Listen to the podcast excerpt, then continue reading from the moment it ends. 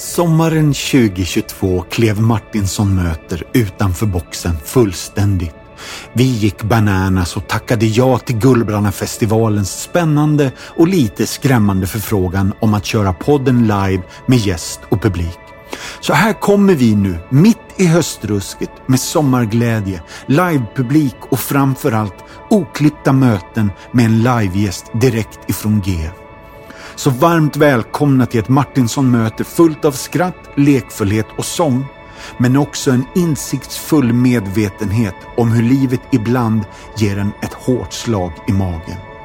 Caleb Chapman är frontfigur och leadsinger i det internationella och hårt turnerande pop och rockbandet Colony House. Han berättar om det ständiga resandet, glädjen i att ha ett band med sin lillebror, sångernas ursprung och kärleken till familjen.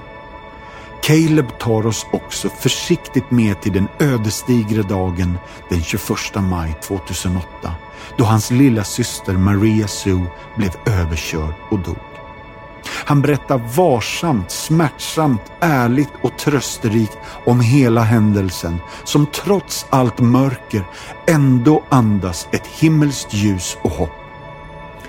Som en av sönerna till popikonen och legenden Steven Curtis Chapman har Caleb växt upp med musiken både i huset och i blodet.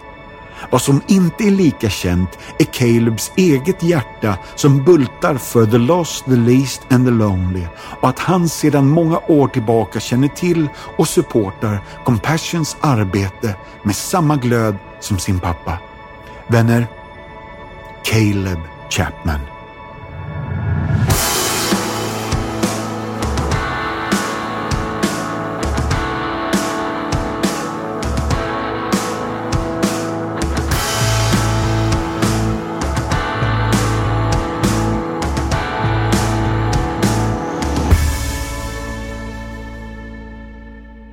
Så då. Alltså det här, det, det är svårt. Äh, det är så taggat att kliva upp. Jätteroligt. Jag har gjort den här podden i drygt två år nu och vi har bara gjort den i studio. Jag har bara suttit ensam med min gäst och igår var det premiär. Så det är jättegött att få hälsa er varmt välkomna tillbaka till Martinsson möter. Det är jag som är Martinsson och om ni är beredda med en ordentlig handklapp så ska ni få vara med och välkomna dagens gäst. Det finns ett band som sedan många år tillbaka nu heter Colony House och varmt välkommen Caleb Chapman!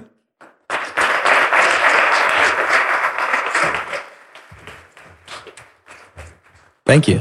Caleb, welcome to Sweden. Thank you. Are you okay? Barely. Yeah. We just flew in this morning. We uh we played a show in London last night. Got to our hotel at about 2:30 a.m. and had to be at Heathrow at 3:30. So Oh my So, goodness. You uh, didn't just pay I for that, apologize you? for anything I say up here. If it doesn't make sense, so, And you're most welcome to Martinsson Möter and you're welcome to Sweden. thank you very much. I feel it. Good to have you here. I'll start with a few questions and then we go on with a, I don't know what we call it, but it's a podcast. Love it. If you were to win an Olympic gold medal in a sport that exists or not, it can be, you can make it up. Okay. Which one would it be?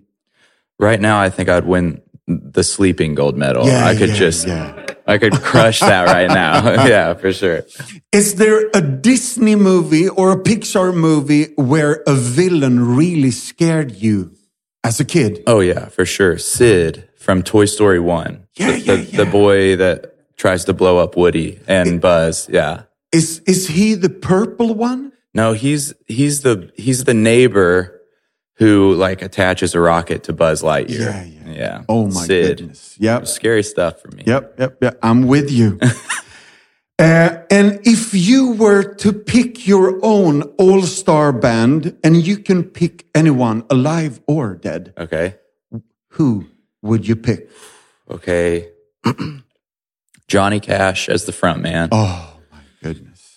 Um, my brother who, on the drums. Will. He's in our band. Yeah, yeah, So, yeah. but I, I wouldn't trade him for anyone. Ah. And uh, ooh, uh, let's go with the Edge on guitar. Yeah. We had Moriah Smallbone yesterday and she said the edge. too. Yeah, I'm sure there's a lot of people. Yeah, yeah, the Edge. Um, and Pino Palladino on bass, Okay. and just have Paul McCartney back in the back playing piano. That's a good all star band. Thank you. Have you been in a situation where there might be no explanation for what happened, like a sign or a wonder or a miracle that you could share with us? Um, yes, the the the first one that came to my mind uh, was when I was like three years old. This is probably one of the earliest memories I have. This was just a wild memory, but my brother, who I mentioned, drummer in our band, Yeah. uh, we were at a mall and my dad was buying shoes and he was like, kids, don't hurt yourselves. We're just going to get in. We're going to buy some shoes and get out. And it was me, my sister, my brother. Long story short, my brother ended up falling and splitting his head open. Oh my goodness. Lots of, it was very traumatic for a young me, but we were running through the shop and my dad was like trying to keep my brother's head from bleeding everywhere. and we're looking around, we're kind of panicking. And this man comes up and he's like, he just, he kind of understood the situation and he was like, Hey, are you looking for a payphone? Kind of pre cell phone era. And we were like, Yeah, we just need to call the ambulance. And, uh, he told us exactly where it was. And then we were like, thank you so much. And we turned around and my dad like kind of turns around and then turns back around to thank him and he's gone. And so we were like, he's an angel. He told, he totally told us where to go. He's, you know, but, uh, that was one of the first times where I was like, how did that happen? That was wild. Come on. I So- love it. Thank you. Yeah. It's a goosebump story. Yeah. Yeah. Yeah. Yeah. Yep, yep, yep. The last one. If you were at a dinner or if you were the host at an Italian dinner, you can invite four guests, now living or since long dead. Who would you pick? Wow. Yeah, yeah, yeah. I know. You can take your time. Johnny Cash. Uh, um, uh, there's this uh, an, uh, an American poet named Mary Oliver, uh, who passed away in 2019. Um, just fascinating lady. Um, so Mary and um, Tom Hanks. good and uh, we'll just go all the way back to the beginning. Adam or Eve. Just Yep. gotta know. Gotta Yep. know what was going on. This is good. Lovely dinner. Lovely dinner. Good combination. I just love to see Tom Hanks and Adam or Eve chat it out. Yeah, yeah. The 2nd of October 1989, what happened then? I was brought into this world. That was my birthday. Yeah. Yeah, yeah, yeah. And you're the second or the third? I'm the second. Yeah. Yeah. And how many brothers and sisters do you have? So I have an older sister, younger brother, and then three younger sisters, one of which has passed away. Yeah. Yeah, She's in heaven Yeah. already. that's right. Yeah. So you're in the middle. Um, yeah, I was like the, uh, the original middle yeah, yeah, child. Yep, yep, yep. Yeah. Oh. I have a question, and these are just uh, four words. Can you explain them to us? I love my lips. Oh gosh. Yeah. Uh, that's one of those things. I love my lips. Does anyone know what Veggie Tales is? Do we know what Veggie Tales? it's a TV show. It's a. I'm glad that you're looking at me with that blank stare because it means that you don't know what I know. Anyways, it was a. Uh, it was a popular TV show, um, like uh, animated TV show, and they always had they had a segment called "Silly Songs with Larry," who was a cucumber. And, uh, and he had a really popular song called I Love My Lips, which when I was like maybe 10, nine or 10, me and my brother and my dad covered it Yeah. and recorded it, unfortunately. And if you look hard enough, you could probably find it. And it's just kind of haunted me for the, you know, Yeah. past 20 years. The next few words uh, football in the air. I'm a lot more proud of football in the air. this is this is, uh, football in the air is referencing American football, uh, and it's the first song me and my brother ever wrote or recorded Yeah. When we were in like first or second grade. We were probably around. We were younger than we were probably eight years old, seven and eight, and we had a band called Two Car Garage, which is way cooler than any band name we've had since. And uh, and we wrote a song about what was important to us at the time, and that was playing football. Yeah. and that and that's it's just kind of hung around as well. Yeah. Thank you for sharing. Yeah. I'm guessing that many of us in the audience already know that you're one of the sons of Steven Curtis Chapman. Yeah. He's a Grammy Award winner and he has a lot of medals on his Yes, breastplate. Uh, how is it to grow up uh, in the same area of expertise as your dad? Yeah. I mean, it, it's been nothing but a blessing. I'm Pops is, he's, uh, I think as I've grown up and been able to like process my childhood and all the amazing experiences I had as a kid, being able to travel the world and Yeah. see that. I think the gift, the greatest gift he gave us was knowing that the man on stage was the man at home. Yeah. And, and so there was never that confusion of like, well, you seem kind of cool up there, but you're not very cool back at home. Mm. Or you seem like you have it together there, but you don't really have it together at home. It was like if things were falling apart off the stage, he brought it onto the stage. Or if it, you know, it was his being authentic was the most important thing. And uh, I think that is ultimately what has like uh, sustained sustained such a kind of real and beautiful relationship between all of his our family. you Yeah. know? What you see is what you get. exactly. Yeah. Yeah, Oh, that's lovely to hear. I understand when you were in high school, you and your brother joined your dad's band. There was an audition, but you have been on arena stages that's right. while still in high school. Yeah, What does that do to you? yeah. Well, it's just been downhill ever since, you know. but uh, no, we we yeah, when we were in high school, um, my dad was like, "Hey, if you if you want to try out for the band, here we have this. There we had a show that he thought if you can nail this show, we'll take this on the road and you can be my band." And so we practiced and we practiced and we practiced, and apparently we did good enough. And uh, and so when yeah, when we were like 15 and 16, me and my brother started touring full time with my dad. Yeah. And so we would go out.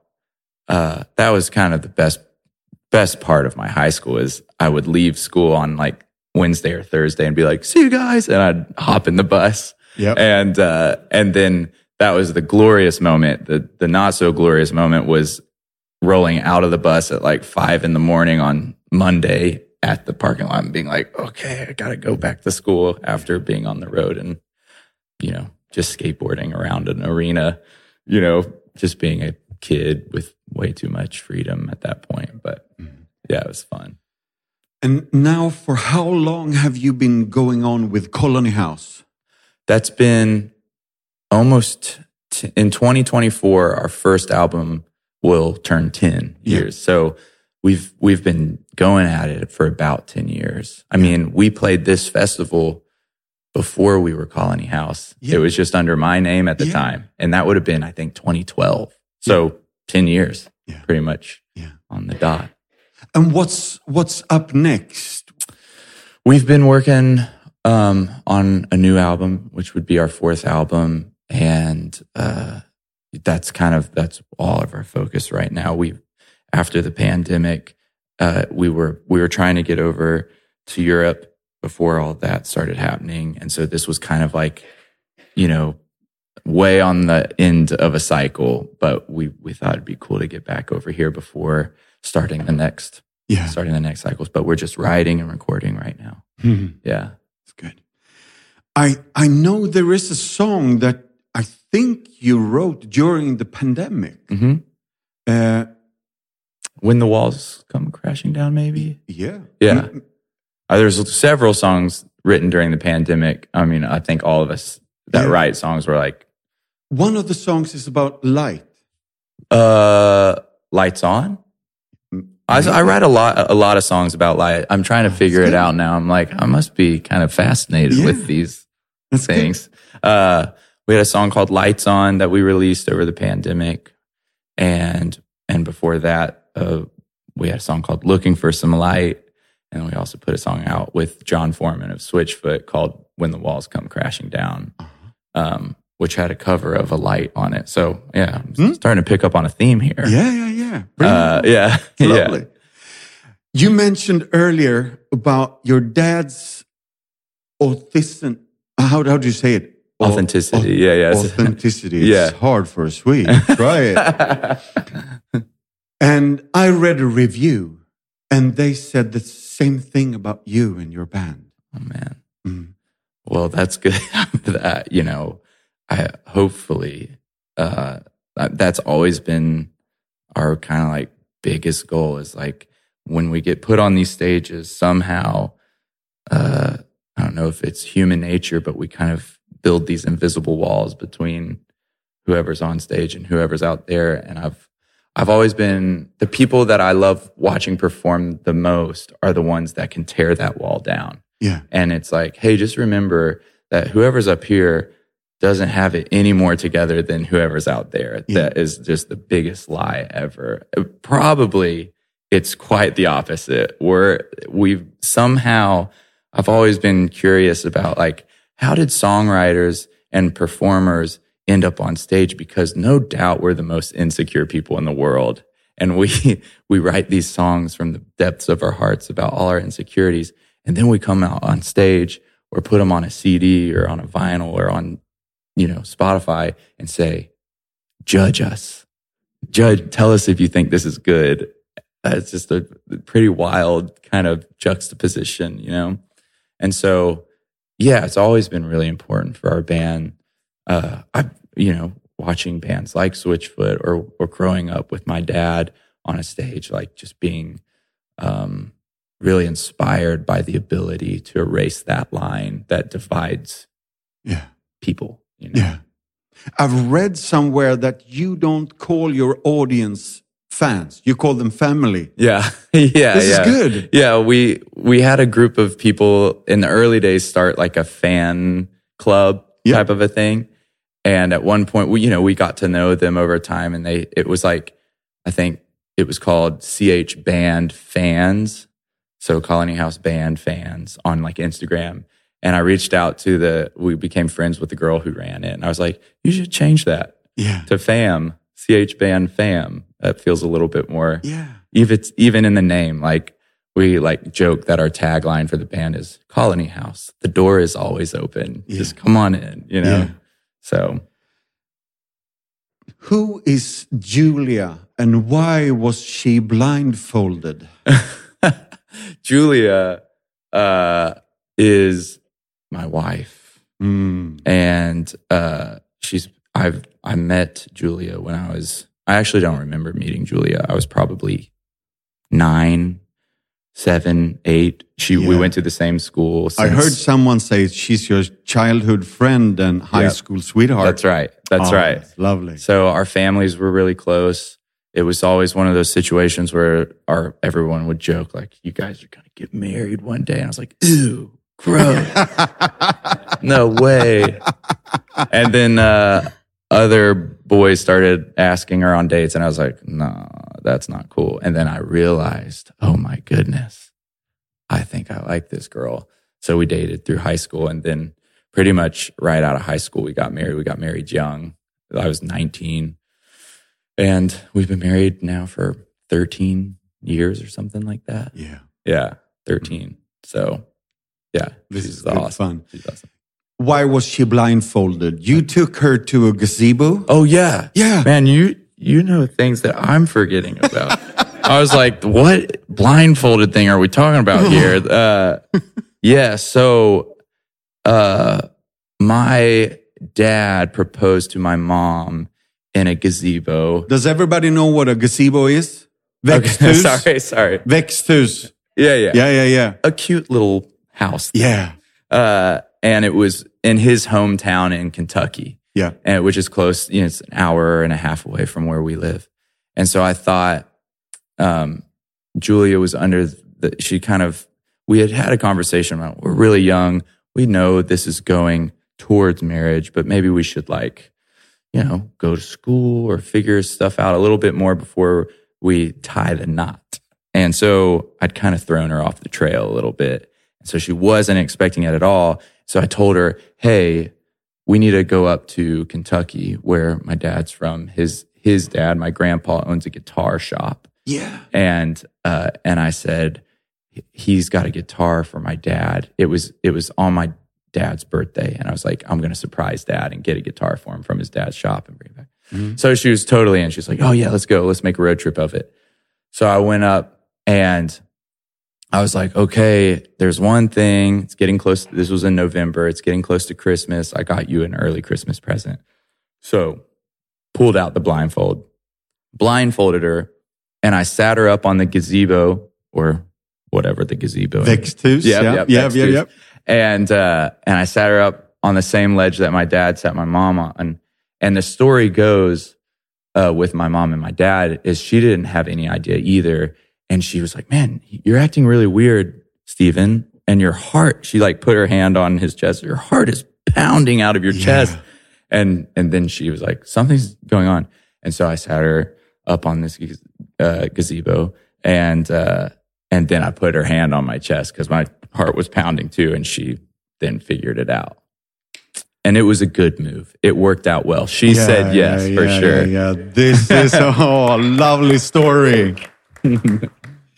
and uh, the next question is kind of uh, obvious. Who is Noble Day and who is Olive Eloise? Noble Day is my son, uh, named loosely after the park that I proposed to Julia in, which was Noble Park. So, uh, so Noble Day Chapman is my son, who is seven years old, and uh, and then Olive Eloise is my daughter, who's four, Yeah. and they're awesome. They're just wild child children, wild children.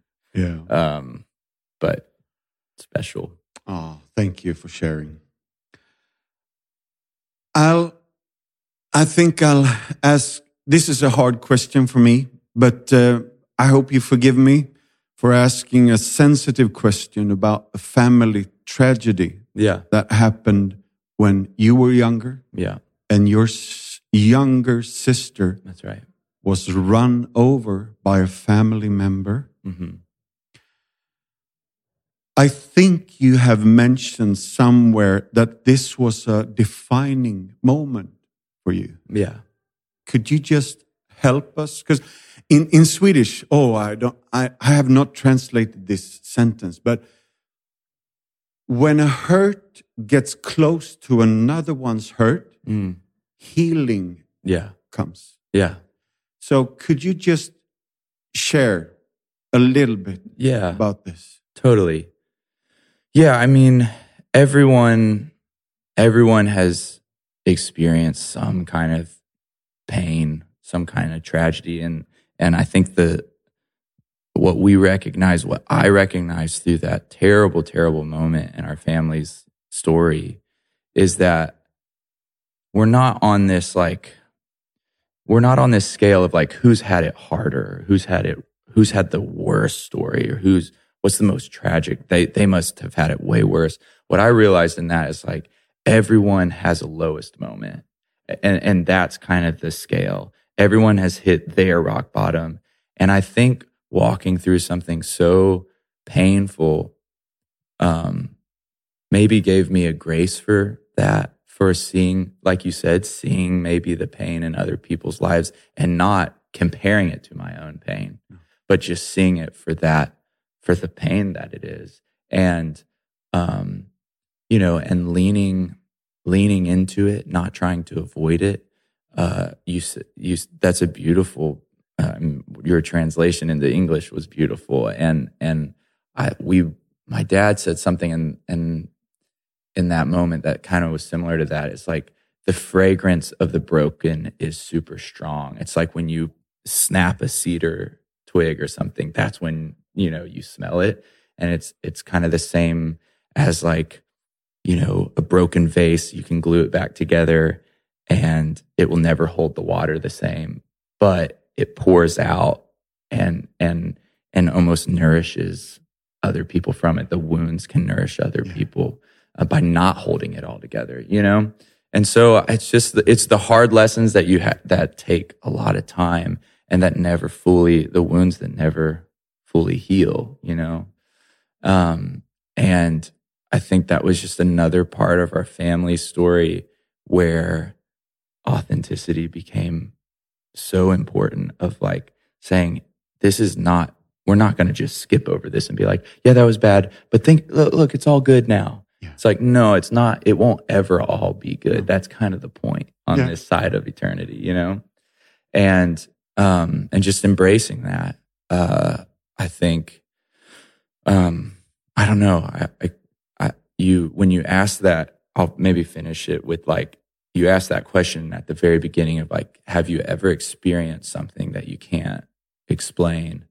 The second story, and uh, honestly, probably the the first one that came to mind was actually the uh, in the moments right after the accident. My family literally moved in with my wife's family. We left our house and we just stayed out at their house for like two weeks, kind of dealing with everything. Really close to us. When my parents went back to our house to gather clothes for the funeral and everything, they were walking through the house, and my my two youngest sisters one Maria, who's in heaven, um, and then Stevey Joy are similar in age. Yeah. Um, Maria, they both had art tables and they would color all the time. Yeah. And my parents went to Maria's art table and they saw this picture she had drawn. Mm. And it was in marker and it was of a flower and it was of a six, you know, you start looking at these pictures a little bit more uh, intently uh, they become more special. And it was interesting. We we saw this picture of a flower, and there were six petals. Uh, there's six kids in my family, and and I'm one of them. And there was only one colored in, and it became kind of this symbol of like Maria is the colored in petal. She's she's full. She's you know, and and then my dad realized that on the there was like something seeping through on the back, like she had written something on the back. And uh, I pause the story there. Like, if you go back to when we were at the hospital praying um, over Maria, that, you know, we had just received the news that she didn't make it. And we're praying.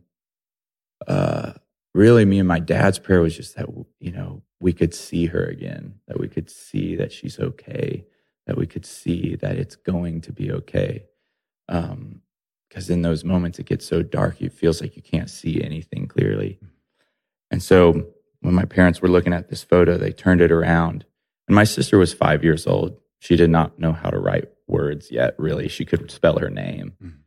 And she turns the paper around, and the word See is written on the back of that piece of paper.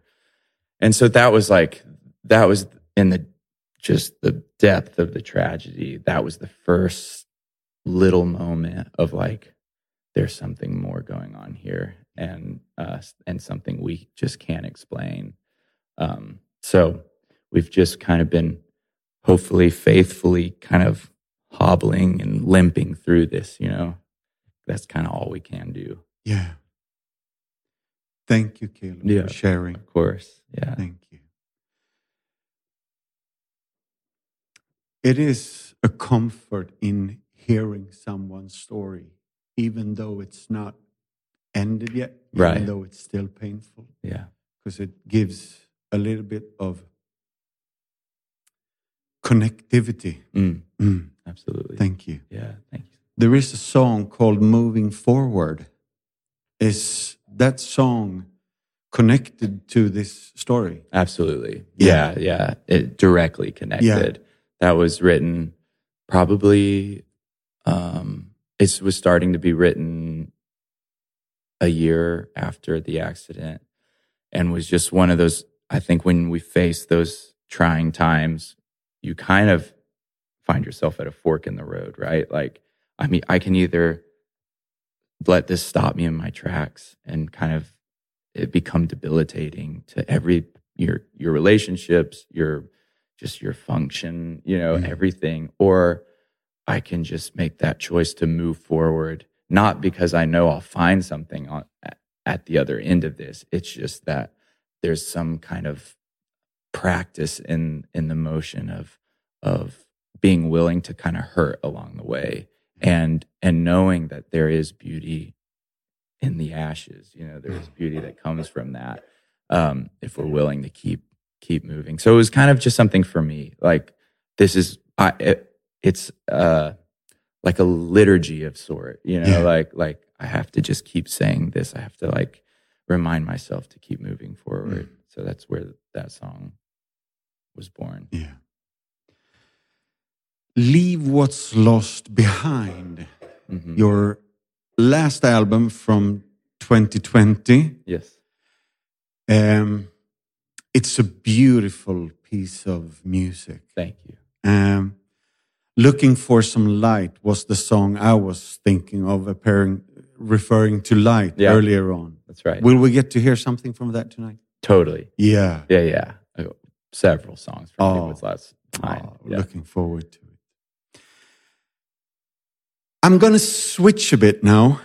I think you've seen the Compassion logo in the background here. yeah, of course. Do you know anything about Compassion? Oh, yeah. Yeah. I, I know a lot about compassion. You do? Yeah, yeah. Tell us. Yeah. I mean, I, per, I personally haven't been like on a compassion trip or haven't sponsored a compassion child.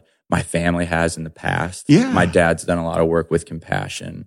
Uh, one of our really good friends, family friends, uh, is a man named Jeff Moore. Uh, and he's done a ton of work with compassion. And, um, and m- my parents, a long time ago, my three youngest sisters are adopted from China Yeah. and they started a, a, a charity that helps families, um, uh, pretty much gives families financial grants to help with the cost of adoption and then post adoption work Oh, and healthcare and things like lovely. that. So in Nashville and Franklin specifically, where I live in Tennessee, a lot of these organizations have uh, offices and they all kind of run in the same circles and and have we're kind of all friends with each other. Um, so we've been on tours that Compassion is out Yeah. and and yeah, so uh, Compassion and you know of course World Vision and Food for the Hungry and Yeah. it's it it's cool because they all do beautiful work, right? Yeah. um, and are all really supportive of each other um, and compassion. I mean, since I was, uh, I actually, I think my the first trip I can remember my dad doing was a compassion trip to Honduras, Okay. and we sponsored a. You know, there was a child's photo on our refrigerator, and um, that's like the earliest memory of that being introduced to our Oh, family. So very That's familiar, lovely. yeah. I vanliga fall brukar jag ta med er ut på fält med en berättelse, men den här gången skulle jag vilja högläsa ett brev som vår generalsekreterare Claes Parsmo sände ut ifrån Compassion-kontoret. Det här är en akut vädjan av brådskande karaktär. Kära lyssnare. Jag skriver till dig med anledning av den pågående livsmedelskrisen. Denna kris beror bland annat på globala händelser såsom kriget mellan Ryssland och Ukraina som orsakat problem med produktion och leveranser. Men det beror även på andra faktorer såsom politisk instabilitet och oro, inflation, extremt väder och torka samt de långvariga effekterna av pandemin. Compassion arbetar i flera av de länder som just nu drabbas hårdast och din hjälp behövs. Tillsammans står vi på de utsattas sida. Och tillsammans gör vi skillnad. Compassion arbetar parallellt med både långsiktiga och kortsiktiga insatser. Det handlar om att snabbt möta barns och familjers akuta matbehov samtidigt som vi arbetar för en hållbar lösning att stoppa hunger och svält. Vi skulle vilja vädja till dig att kliva in på vår hemsida, läsa mer och bidra. Bli fadder, skänk en gåva och vi vill säga tack för ditt engagemang. Varma hälsningar Claes Parsmo, generalsekreterare Compassion Sverige.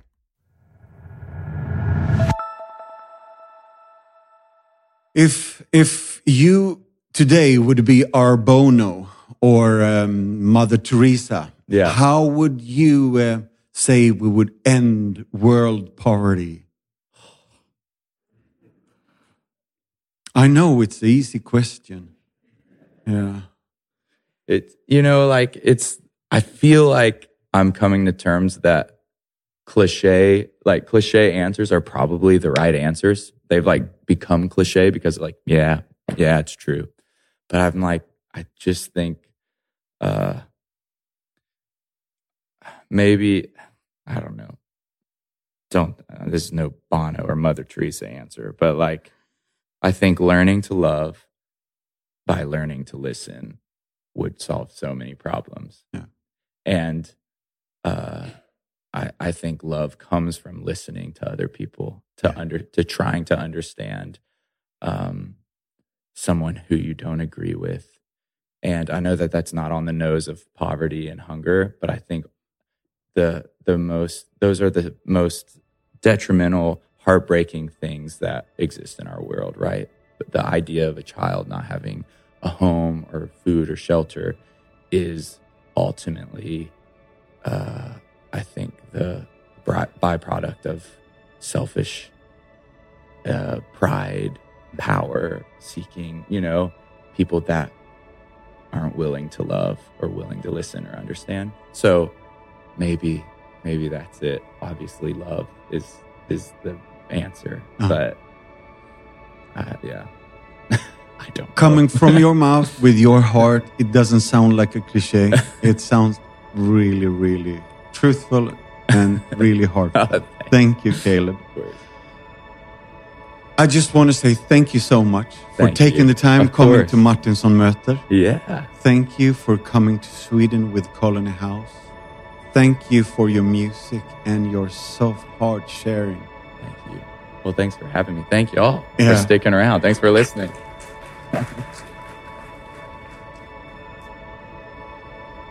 Slut för idag och tack för idag allihopa.